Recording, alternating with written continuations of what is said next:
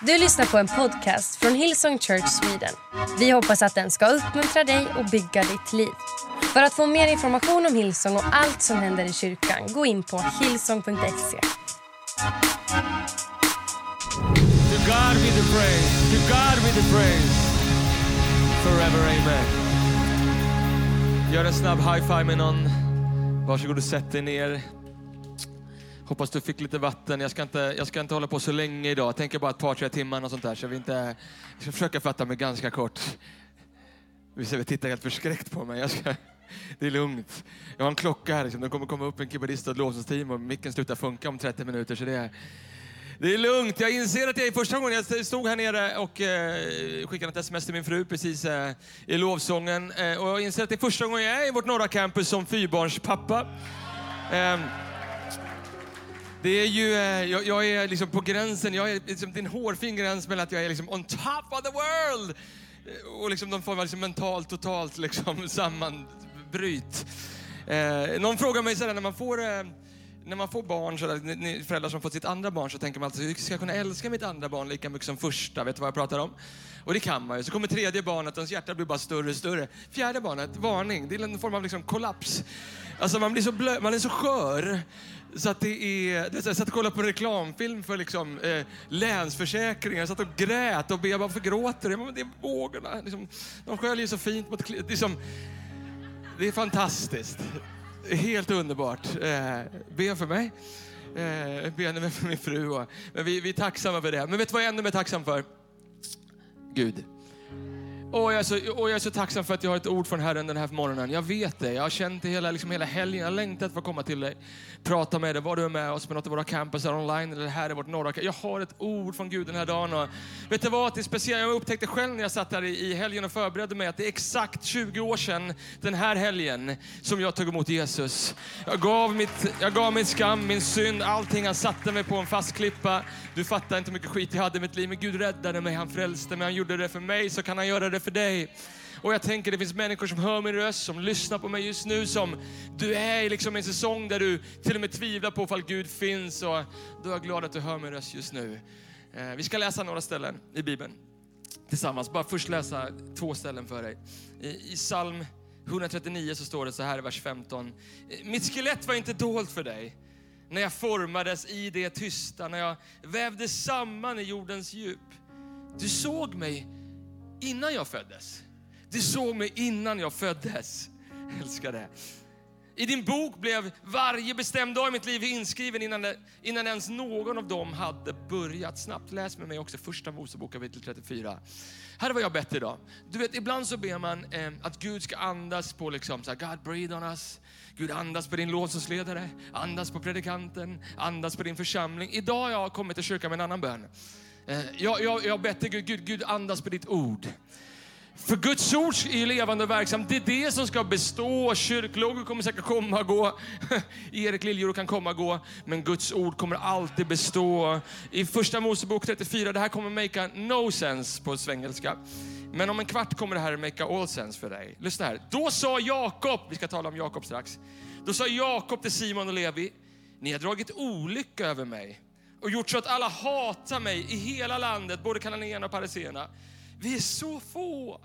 Om de bestämmer sig för att anfalla oss så kommer de att döda både mig och min familj. Jag vill predika för dig i några minuter och Gud la någonting på mitt hjärta. Jag upplever att han la någonting på mitt hjärta som jag vill säga till dig. Lyssna, det har alltid funnits i dig. Det har alltid funnits i dig. Lyssna, gåvan har alltid funnits i dig. Kallelsen har alltid funnits i dig. Frälsningen har alltid funnits i dig. Kom on, drömmarna har alltid funnits i dig. Vad Gud har tänkt. Vi läste det, våran, vårat liv var skrivet i Guds bok innan ens vi hade fötts. Det har alltid funnits i oss. Och Jesus, jag ber dig än en gång, Herre att du skulle andas på ditt ord den här, den här dagen, Herre. Gör det bara du kan göra. Herre, herre smörj oss, Herre och smörj mina älskade vänner, Herre, som jag älskar så mycket, men som du älskar ännu mer, Jesus. Att lyssna och ta emot, Herre, ditt ord, Herre. Åh Jesus, det har alltid funnits i oss, Herre. Kraften har alltid funnits i oss. Nåden har alltid funnits i oss. Drömmarna har alltid funnits i oss, Herre. Kallelsen, Herre, att gå ut och frälsa människor har alltid funnits i oss, Herre. Jag ber att du skulle överbevisa oss om det. I Jesu namn vi ber och allt folket sa. Jag tänker så här liksom när man, när man får barn, det blir, vi, ska, vi ska inte gå till BB, ingenting, alltså det är lugnt. Men eh, då, då tänker jag så här att mitt viktigaste jobb, och det kan du som förälder skriva under på, är ju kanske inte att vara pastor. Det är ju att vara en pappa. Eh, eller att vara en bra man. Och jag tänker att mitt viktigaste jobb när jag läser det här stället med min dotter Alba, det, det är ju att se till att liksom allt det som redan nu Gud har lagt i henne, att det kommer hända. Och kanske vaka över att ingenting kommer över henne som får henne att glömma bort eller springa bort från det som finns i henne. Som finns i. Och när jag läser om Jakob, jag har varit lite grann i, i liksom Jakob, första Mosebok kapitel 25 till liksom 35-ish, typ 10-12 kapitel i Bibeln, så tycker jag det är otroligt spännande historia om Jakob. Känner vi Jakob? Ja, några, lite grann så här, Abraham, Isak och Jakob, han är liksom en av patriarkerna. Tänk om man kan vara patriark, bara en sån sak. Abraham, Isak och Jakobs Gud, patriarker. Man kan säga att Jakobs liv var rätt, var rätt tufft. Det står att han brottades redan innan han föddes i, liksom i sin mage med sin brorsa Esau. Han förlorade, kom på andra plats. Det var big problem på den tiden. Eh, nu så är det inte så, så, viktigt om man kommer ett eller två eller tre, men på den tiden så var liksom allt arv gick till den förstfödde. Alla kossor, alla getter, alla gårdar, allt gräs och vete och korn och allt annat eh, gick till den förstfödda. Och Jakob han kom på andra plats, men han bestämmer sig en dag för att försöka få till sig den där förstfödslerätten. Och hans brorsa Esau som var stor rödhårig vikingkrigare, står att han älskade att kriga. Och så står det också att eh, Jakob trivdes hemma bland tälten. Liksom, han trivdes i köket. Eh, och han var bra på att laga mat. Och en dag så kom Esau hem eh, och han är svinhungrig. Och eh, han sa, ge mig någonting att äta. Och Jakob säger, ja du ska få det, men jag får förstfödslerätten och, och, och, och, och Esau, jag håller på att dö, jag måste bara ge mig mat. Han är liksom, har du varit riktigt hungrig någon gång? Det är Esau. Så alltså, du får först födelserätten, jag ger bort den liksom. Man kan, man kan säga att liksom, Esau tradade bort det han ville ha nu för det han ville ha mest. Och, och, det står att han, att han gjorde det och sen så går det vidare så står det att Jakob lurade sin farsa Isak att han var Esau. Han lurade till sig förstfödslorätten när Isak var riktigt gammal och inte såg någonting. Och när Esau, hans brorsa, får reda på att Jakob har lurat honom så blir han galen. Och kommer ni ihåg att alltså Esau var en krigare? Jakob var liksom bra vid köket. Svärd, slår, stekspade liksom alla dagar i veckan. Så, så det står att, eh, att Jakobs mamma Rebecka säger du måste fly. Du måste bort, din bror Esau kommer döda dig och, och Jakob flyr. Han, han är 77 år gammal så flyr, han är på flykt. Han, lägger, han kommer till en stad som heter Betel, han lägger sig på en sten och han sover och han, han är dödsrädd och han är på flykt och han har press över sig. Kom ihåg, han har massa saker som den här världen har sagt liksom finns i honom eller som har hamnat över honom. Eh, hans farfar hette Abraham. Eh, Abraham, den mannen som, som Gud talade till en dag, liksom, när Abraham var ute och gick och sa, Abraham, kan du se stjärnorna? Kan du räkna dem? Abraham, nej det är för många. Och Gud säger, Abraham, ser du alla sandkorn på, på, på, på, på stranden? Kan du räkna dem? Han säger, jag kan inte det. Och Gud säger, så ska det bli med din avkomma. Så är liksom löftet till dig, till dig Abraham och så fick Abraham Isak och Isak fick Jakob. Så det löftet, men också den pressen ligger över Jakob. Att uppfylla någonting som, som hela mänskligheten hänger på. Han flyr, han sover på en kudde, på, liksom, förlåt, på en sten. Och han flyr vidare, livrädd för sin brorsa Esau. Han kommer till henne liksom utanför det förlovade landet. Han kommer till sin morbror Laban. All right.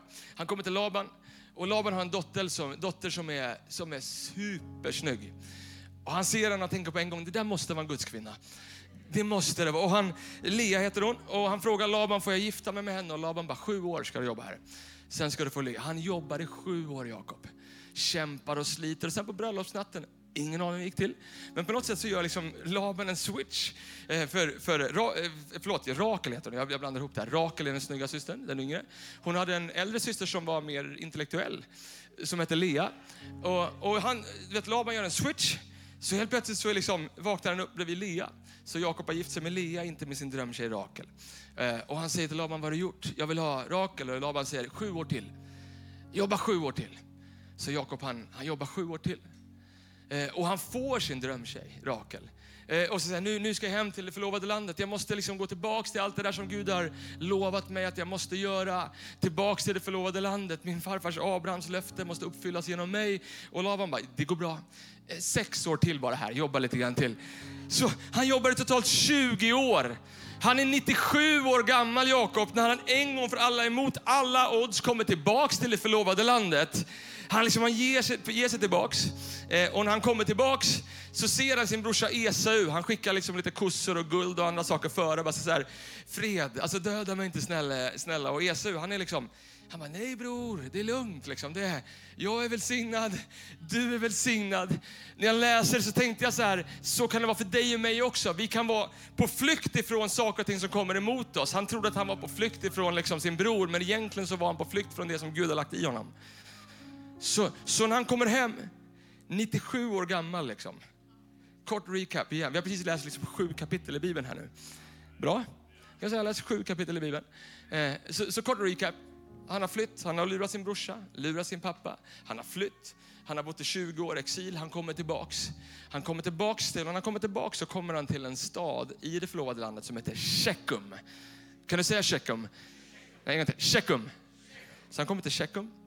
Och när han kommer till Tjeckum så, del, så, så står det att han tar 100 silvermynt. Han köper en liten bit av landet och så sätter de upp ett tält där. Så här ska mitt folk bo, säger Jakob. Och eh, eh, bara någon dag senare så är en av Jakobs söner, Dina, han är ute och går. Och eh, det kommer fram en man, han som är son till han som regerar i Tjeckum. Så förgriper han sig på Dina. Våldtar henne och eh, eh, gör hemska saker med henne. Och eh, när de här nyheterna kommer till Jakob så kan jag liksom inte låta bli att känna för Jakob. Eh, här har han liksom i 97 år av sitt liv varit på flykt på det som finns i honom Saker har kommit över honom, emot honom, som har fått honom att glömma och fly från det som finns i honom, de löftena som Gud har lagt i honom. Och bara för att liksom finna sig själv i att när han tror att jag är på väg in i löfteslandet, så kommer en ny motgång. Det kommer en nytt liksom, motstånd emot honom. Och så står det att eh, några av Jakobs söner, Levi och Simon, står att de så här, vi gör upp en plan. För det står att den här mannen som förgrep sig på Dina, han blev också kär i henne. Så, eh, så de, de går fram till, eh, till männen i Tjeckum och så säger de, ni kan få vår syster Dina. Eh, alltså, de kan gifta sig på ett villkor. Att ni ingår samma förbund som vi har gjort med Gud. Och de sa ja. De borde frågat vad det var för typ av förbund. Eh, eh, vad är det för förbund förresten? Eh, låt omskära er, alla män i hela Tjeckum. Låt, låt omskära er. Och jag vet inte vem som var liksom ledare i Tjeckum, men det var en stark ledare. För han fick alla män i hela Tjeckum jag menar, ni har svårt liksom att liksom komma en halvtimme tidigare om vi byter tider. Nej, nej. Alla män i hela Tjeckum låter omskära sig. Och så står det att på tredje dagen när de låg kvar i smärta och kved och recovered så kommer Simon och Levi in och dödar alla män. Alla män i Tjeckum. När vi kommer in i storyn, det var det vi precis läste i första Mosebok kapitel 34. Det är där vi liksom kommer in i storyn. Då sa Jakob till Simon och Levi, ni har dragit olycka över mig. Alltså på toppen av liksom att, att allt det här har kommit mot mig 97 år, att jag varit på flykt på det som är i mig, så har ni dragit olycka över mig och gjort så att alla hatar mig i hela landet, både kananéerna och pariséerna. Vi är så få och om de bestämmer sig för att anfalla oss kommer de att döda både mig och min familj. Har du någon gång varit på en plats där du bara känner att folk bara dumpar, bara dumpar skit, dumpar problem på dig? Man känner, jag var på väg att flyga, men det är som att människor eller omständigheter bara håller kvar. Det bara försöker, men man bara så pff, tillbaks ner. Det, det är Jakob här. Och det här jag vill börja predika för dig. Är det okej? Okay? Får jag börja predika nu eller? För lyssna, lyssna nu. Jag lovar dig, jag, jag, jag lovar dig, det här kommer bli uppenbart. Jag sa det, Gud kommer andas på sitt ord. Ge det här några minuter så kommer du förstå vad jag försöker säga. Kolla här, första Mosebok kapitel 35. Så säger Gud så här till, till, till Jakob, vers 1. Säger han så här, flytta nu till Betel. Kom ihåg Betel. Och bosätt er där, sa Gud till Jakob. Bygg där ett altare för att tillbe den Gud som visade sig där när du flydde från din bror Esau. Då bad Jakob hela sin familj att förstöra avgudarna som de hade fört med sig och tvätta sig och ta på sig rena kläder. Vi ska nämligen gå till Betel, sa han. Där tänker jag bygga ett altare åt Gud som besvarade mina böner när jag var i nöd och som var med mig på min resa. Då gav de Jakob alla sina avgudar och sina örhängen och han gömde dem under eken i Sikem. Sen började, de, sen började de sin vandring igen. Ingen anföll dem för de var alla Ingen anföll dem, för, för över alla de städer som de gick in igenom vilade en förskräckelse från Gud. Vers 6, lyssna. Slutligen kom de fram till Luz, som också kallas Betel i Kanan. Där reste Jakob ett altare som han kallade Guds altare. Efter den Gud som hade mött honom där. Det var ju i Betel som Gud hade visat sig för honom när han flydde från Esau. Vers 8. Strax därefter dog Rebeckas gamla barnsköterska Debora och begravdes under ekten i dalen utanför Betel. Och ända sedan dess har den kallats gråteken. När Jakob kommit fram till Betel på sin resa från Padam Aram visade sig Gud för honom igen och välsignade honom. Vers 10, sista versen. Och Gud sa till honom, du ska inte längre kallas Jakob, utan Israel. Jag är den allsmäktige guden och jag ska se till att du blir fruktsam och föröka dig och att du blir ett stort folk. Ja, många folk, ja, många kungar kommer att finnas bland dina ättlingar. Älskar den här storyn om hur Jakob är på flykt i tio år. Och när Gud gör någonting så gör han det på ett sånt märkligt sätt. Och det här vill stanna upp lite grann. För, för det som förbryllar mig med den här storyn, det är att Gud säger till Jakob, gå tillbaks till Betel. Varför säger han Betel? Jag vet att det är varmt att vi har läst tio kapitel precis, men varför säger han Betel? Du förstår, Betel är inte en plats där, där Jakob bara liksom, we got joy, joy, joy. Det är inte det Jakob tänker på när han tänker på Betel. Jakob får liksom inte gåshud när han tänker på Betel. Det är inte där han liksom, liksom Guds atmosfären var som... Det är inte det. Nej, nej, nej. Ju mer jag läser och mediterar och ber över det här stället så har jag fattat att Betel är en plats där Jakob var som mest rädd. Där han var på flykt från, vi läste det precis, från sin bror Esau. Han var på flykt från löftena, från allt det som fanns i honom. Och du har hört oss komma till kyrkan, du har säkert hört en predikant säga så här, kom on, bara gå tillbaka till den platsen där du bara vann. Where you killed it. När du stampar djävulen under dina fötter. Bara gå dit. Det är bra. Men, men i det här stället så leder Gud tillbaka honom till en plats där han var som mest rädd. Och så säger Gud till någon här inne idag, eller på någon online, jag vet vart du är. En del, av det, en del av sakerna är ditt fel, en del av andra sakerna är liksom omständigheter, andra människors fel. Men du är på en plats där du är livrädd, precis som Jakob var i Betel. Varför gör Gud det? Varför leder han honom till Betel? Bara snabbt, slut dina ögon. Slut dina ögon, online också. Slut dina ögon. Låt, låt oss gå till Betel två sekunder bara. Betel, gå till en plats där du var som mest rädd. Där du kämpade som mest. Kanske finns det skam. För, för, för vissa av oss är det här jättejobbigt, vi är snart klara. Lyssna, för mig, vissa av oss, vi har liksom ett helt rum vi kan gå in i. Liksom, Erik, du kommer inte klara det. Du kan inte Erik. Vem är du att gå upp och predika? Vem är du att läsa? Du vet så här, du kan inte Erik. Jag vet vad du har gjort. Erik, du kan, du, det finns skam, det finns synd, det finns skit. För Jakob är det liksom, Betel är, du är på flykt från din bror. Du har lurat din pappa. Du har ljugit för din egen bror. Du har bedragit din egen familj. Pressure. Ska du bryta hela liksom förbundet som Gud gav till Abraham? Den, liksom den smärtan, kan du se det framför dig? Din smärta, när du var som mest rädd. Titta på mig igen. Du klarade det. Nej, nej, nej. nej. Du klarade det. Du är här ändå. Du är här ändå. Du klarade det även fast du var som mest rädd. Kom on. Du klarade det. Du klarade det.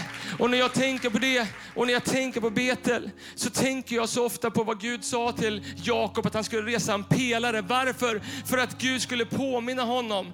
Lyssna, och han säger typ till Jakob, om du inte reser en pelare, om du inte påminner dig själv så kommer det som ligger över dig, motståndet, det som försöker dra bort dig från det som finns i dig, det kommer övervinna det. Men om du reser en pelare, om du påminner dig själv om att Gud tog dig upp i dödsskuggans dal, satte dig på en fast klippa. Come on! Det är det Gud gör.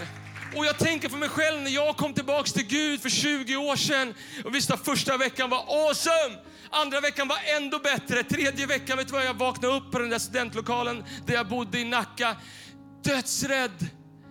Panikångest. Jag kunde vakna på nätterna. Jag kunde bara känna, jag kommer aldrig klara det här. Det går inte. Har du haft panikångest någon gång? Jag kunde knappt andas och så var det någon pastor som sa till mig så här, när du känner så, bara tala ut Jesus.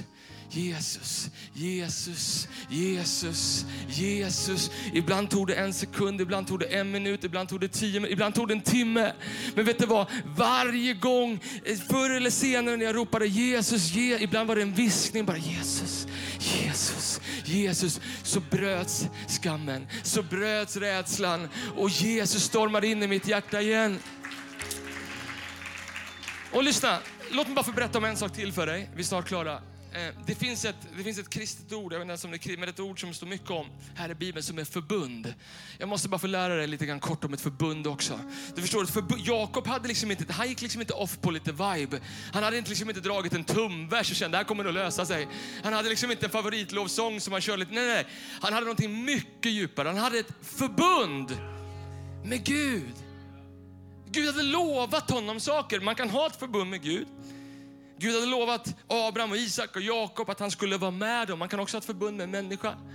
Jag har ett förbund med min fru, jag älskar henne så mycket. Men, och, och jag har massa känslor, men jag har något som är ändå djupare än mina känslor. Jag har lovat henne evig trohet. Vi har ett förbund. Jakob hade ett förbund, men du och jag har inte ett Jakob-förbund. Vi har något mycket bättre. Lyssna här vad Jeremia kapitel 31 säger. Här kommer det uppenbarelse för någon. Jeremia kapitel 31 så står det så här. Den dag ska komma när jag ska ingå ett, säg det med mig. Säg det, ett, ett nytt förbund med Israels folk och med Juda, säger Herren. Det kommer inte bli som när jag ingick med deras förfäder, alltså Jakob. Come on. När jag tog dem i handen för att leda dem ut ur Egypten. Ett förbund som de bröt trots att jag var deras rätte herre, säger Herren. Lyssna, detta är det nya förbund som jag ska ingå med dem. Jag ska skriva min lag i deras hjärtan. Det har alltid funnits i mig. Gud har skrivit sin lag i mitt hjärta. Så de längtar efter att ära mig. Då kommer de verkligen att vara mitt folk och jag ska vara deras Gud. Jag sa det precis, vi har inget Jakob-förbund. Come on, vi har ett Jesus-förbund. Det innebär att det finns ingen plats jag har varit på. Det finns ingenting som kan komma över mig, som kan skrämma mig eller locka bort mig från det som är i mig. Större är han som bor i er, säger första Johannes, än allt som kommer emot oss. Större är han som är i oss i oss. Det har alltid funnits i mig. Det, har alltid funnits i, det hade alltid funnits i Jakob. Och Gud har skrivit en ny lag på insidan av våra hjärtan. En lag om nåd, upprättelse, frälsning, frihet. En andra, tredje, fjärde, tjugofjärde chans. Hur många chanser du vill. Gud, han reser oss upp gång på gång på gång på gång. Därför större det som finns i oss än allt som kommer emot oss. Men så finns det en liten detalj till. Sista grejen bara. Det finns en liten detalj till. Jag vet inte om du läste det i vers 2. Så, så lä, vänta med att lägga upp det. Vi läste vi precis att när de skulle in i Betel så säger Gud till Jakob, ta av er kläderna. Samla ihop alla smycken, allting det som ni hade innan ni kom in liksom i det förlovade landet och lägg det ifrån er. Lägg det ifrån er. Han sa, ta av dem, det här är liksom min mantel. Då. Här är en, här är en klä, jag liksom tänkte ha en kavaj men det är för varmt. Eh, så säger han, ta, ta av er kläderna. Ta av er dem. Och så läser vi vers 2. Då bad Jakob hela sin familj att förstöra avgudarna som de hade fört med sig och att tvätta sig och ta på sig rena kläder. Och så står det att innan ni, det står så här, innan ni går in i Betel, står det. Innan ni går in i Betel, ta av er kläderna. Well, kläderna i Jakobs fall representerar vad då? Flykt från Gud, flykt från löftet, från det som Gud gav till Abraham. Skammen att liksom Dina, hans dotter, blivit våldtagen. Eh, eh, sorgen över att de hade förnedrat henne. Eh, skammen över att ha lurat sin liksom, egen bror, sin pappa. Att varit på flykt från allt det som Gud hade lovat Abraham och Isak. Det gick ju så bra tills Jakob. Det, det är det hans kläder representerar. Och så säger Gud så här, innan du går in i Betel, lyssna nu här. Vet du vad Betel betyder? Det betyder Guds hus. Betehus, L är Gud. Husgud, house of God, Guds hus. Så han säger, innan du går in i Guds hus, ta av dig kläderna. Ta av dig skam, ta av dig synd, ta av dig tillkortakommanden. Och vet du vad, vad som kan frustrera mig så mycket ibland när människor kommer till oss och säger i Hillsong, ta det lite lugnt med nåden. Predika lagom med nåd så folk inte liksom så börjar synda på nåden. Men lyssna, vi, och så här, ta det lugnt med den här Hillsong-teologin. Det är ingen Hillsong-teologi. Det är biblisk teologi. Gud säger till Jakob, ta av dig kläderna när du kommer till kyrkan. come on, vissa människor som lyssnar på mig online, du är inte här i kyrkan för du tror inte att du förtjänar det. Men Gud säger, ta av dig din skam, ta av dig din synd. Större är det som finns i dig än allt som kommer emot dig. Det har alltid funnits i dig. Och vissa människor, du kommer inte ens till kyrkan. Du hör mig online nu. Kom on, sluta. Vem, vem är du rädd för? Det har alltid funnits i dig, hans nåd. För han, Gud älskar dig så mycket så du förstår inte. Ord kan inte ens uttrycka, det får inte ens plats i en tavla eller i en bok. Det måste upplevas. Han har älskat innan du ens föddes, har han älskat dig. Så när du kommer till kyrkan så kan vi ta av. Det finns ingen annan plats där du liksom får fler andra chanser än i kyrkan. Det finns ingen annan chans där du kan bli mer uppmuntrad, än i kyrkan, än i Betel, Guds hus. Det finns ingen annan chans där gåvor kan komma till uppfyllelse än i Guds hus. Det finns ingen annan plats där drömmar föds som i Guds hus. Kom on. Det finns ingen annan plats där äktenskap kan bli helade på samma sätt som i Guds hus. Det finns ingen annan plats där barn kommer tillbaks till kyrkan än i, än i Guds hus. Ja, ni kan komma upp, det går bra. Jag sa ju det, de kommer ju till slut. Nu är vi snart klara, på riktigt. Det är min tredje avslutning känner jag. Men bara en sak till jag måste säga. För allt det fienden vill är att lägga skammen på dig. Bara lägga den på dig. Du förtjänar inte att komma till Betel. Jakob, du, Jakob 97 år. Abraham var fläckfri liksom. Så kommer du och dina och, flykt, och jag lovar att allt det där fanns i Jakobs huvud också, precis som det gör i ditt och mitt huvud. Och så börjar vi tvivla på det som finns i oss. Vet du vad jag upplevde när jag började förbereda mig för det här? Att Gud sa till mig, det har alltid funnits i dig Erik. Det finns saker och drömmar som alltid har funnits i mig. Men, men, men, men, men vi måste passa oss så vi inte låter fienden lägga saker över oss som får oss att springa bort och glömma bort det som finns i oss. Jag vet när jag växte upp, när jag var tre, fyra år. Jag spelar piano, jag skriver lovsånger och musik. Jag växte upp vid ett piano. Det var ingen som, som behövde tvinga mig till pianot, för det har alltid funnits i mig. Alltid. Alltså när vi satt hemma i Bollnäs hos mina föräldrar här, häromveckan, så du vet, vi tittade på diabilder och, och jag sitter vid pianon. Jag, jag når liksom inte ens upp till pianot, jag sitter så här. Det har alltid funnits i mig. Alltid, alltid, alltid, alltid. Hela min uppväxt, vet, alla andra åkte, vänta med röken, ta det lugnt. Liksom, du vet, jag har, du vet, så många gånger så kan jag, jag kan inte ens minnas så många sportlovsläger och andra saker jag har struntat i för jag, jag spelar piano. Och sen så växte jag upp och så började jag drifta bort från Gud. Och de där gåvorna och kallelserna som jag hade, jag slutade tro på dem för saker kom över mig som fick mig sluta tro på det som fanns i mig. Och, och liksom jag var ute i världen, liksom jag, vet, så här, gjorde massa olika saker och, och, till slut så kraschade mitt liv. Och en dag så gick det så djupt att jag var beredd att ta mitt eget liv för 20 år sedan. Och jag åkte till Tegnérgatan över den där bron och tittade, här kan jag hoppa. Men jag gav Gud en sista chans. Jag åkte ut till den där kyrkan där jag vuxit upp. Jag satte mig, vadå? Vid det som alltid funnits i mig, pianot. Jag satte mig och sa, Gud om det finns, kom. Och Gud kom, han räddade mig, han frälste mig och han tog bort min synd. Han tog bort min skam. Men lyssna, jag vågade, jag vågade liksom inte lita på att det fanns i mig fortfarande. Jag träffade Andreas, vår pastor. Jag var 21 år. Han sa, du ska bli lovsångsledare, sa han. Så ska jag inte alls bli, sa jag. Jag ska jobba med smart kristen musik. Egentligen det jag sa, jag sa så här, jag, jag, jag, jag är för bra för lovsång. Jag ska hålla på med popmusik. Men egentligen, om jag ska vara riktigt ärlig, när jag ändå har fyra barn och är blödig, så, så var det att jag tyckte inte att jag förtjänade det. För jag känner, ja, absolut, Gud har, Gud har frälst mig, men jag har sjukt mycket grejer på mig. Ska folk gå upp och se allt det här som finns på mig? Det går inte. Så jag sa, jag ska inte hålla på med lovsång.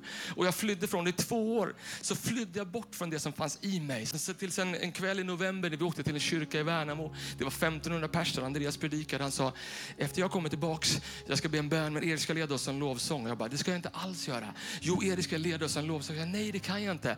Led oss en lovsång, Erik. Och jag, jag, jag sjöng liksom en runda på den här. Så, pris och ära. Och det kändes som det sämsta jag någonsin hade sjungit. Och det kändes som alla såg mina kläder som var orena och skitiga. Men, men, men så tog jag liksom, lyfte jag liksom igen luften i mina lungor och så sa jag, pris och ära. Och jag kände någonting som jag aldrig hade känt. Jag kände hur det bara fick ge vika.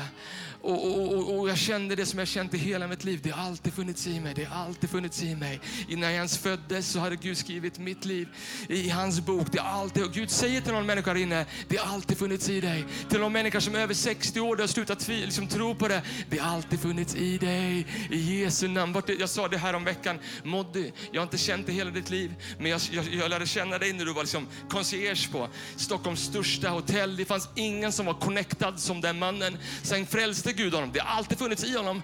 Det är liksom ingen tillfällighet att han har connectat fler människor till Jesus och stått i dopgraven med fler människor i hela Skandinavien de sista tio åren. För det har alltid funnits i honom. Simon och Ella, när vi var på Wayne's Coffee 2009. Du sa ju till mig Simon, jag och Ella är kallade till att leva fullt ut för Gud. Ett minnesliv, vi vet inte när det är. Idag är det. Det har alltid funnits i er. Kom on, det finns en annan tjej här inne. Du har slutat drömma och du tror inte längre. Du drömmer om att leda lovsång, men du tror inte att du är värdig det. Det har alltid funnits i dig och större är han som bor i oss än allt som kommer emot oss, säger Guds ord.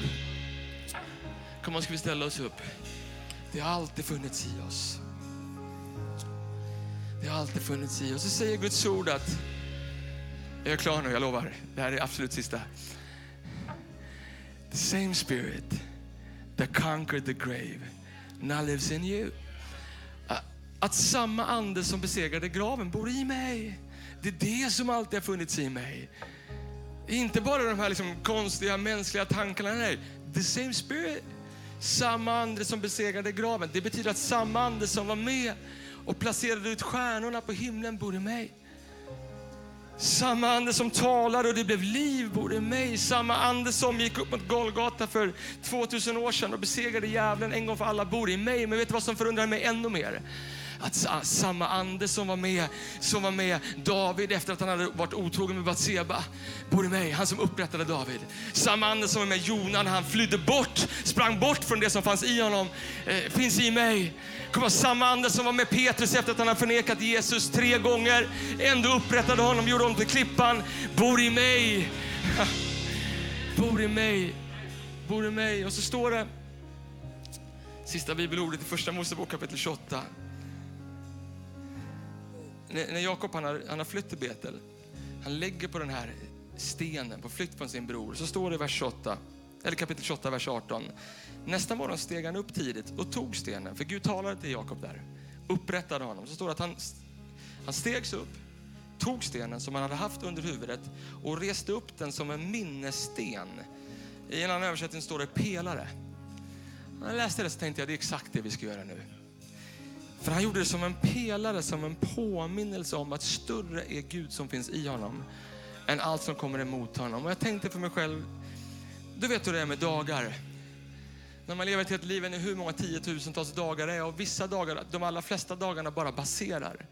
Om jag ber dig liksom upprepa vad du gjorde för en månad sedan så de flesta, flesta av oss har svårt att komma ihåg. Men så finns det vissa dagar i ens liv som blir lite pelare. Som den där dagen vid pianot när Gud frälste mig. Eller som den här dagen, dagen midsommar 2022 när Simon Ella Fangreus blev campuspastor i norra. Eller som den där dagen när du, när du döpte dig. Eller som den där dagen när du stod i lovsången och Gud bara mötte dig. Eller som den där gången när du satt hemma framför datorn och Guds ande bara puff, fyllde hela rummet. Och det är precis det vi ska göra nu. Vi ska resa pelare i människors hjärtan. Det finns människor som behöver påminna sig själv på samma sätt som Jakob reste en pelare av det som var hans smärta för att påminna sig själv om att större är han som bor i oss. Det är vad vi ska göra i lovsången nu. Vi ska resa pelare i människors hjärtan och du ska få se att Gud ska påminna dig. Jag har bett Gud om att i den här stunden att hans heliga Ande skulle röra vid dig och mig. Vi ska inte hålla på länge, jag lovar dig. Bara några korta minuter. Jag är så övertygad om att Gud vill göra någonting i så många människors liv just nu. Kom, vill du sluta dina ögon? Du har lyssnat till en podcast från Hillsong Church Sweden. Om du vill veta mer om vår kyrka eller om våra söndagsmöten surfa in på hillsong.se.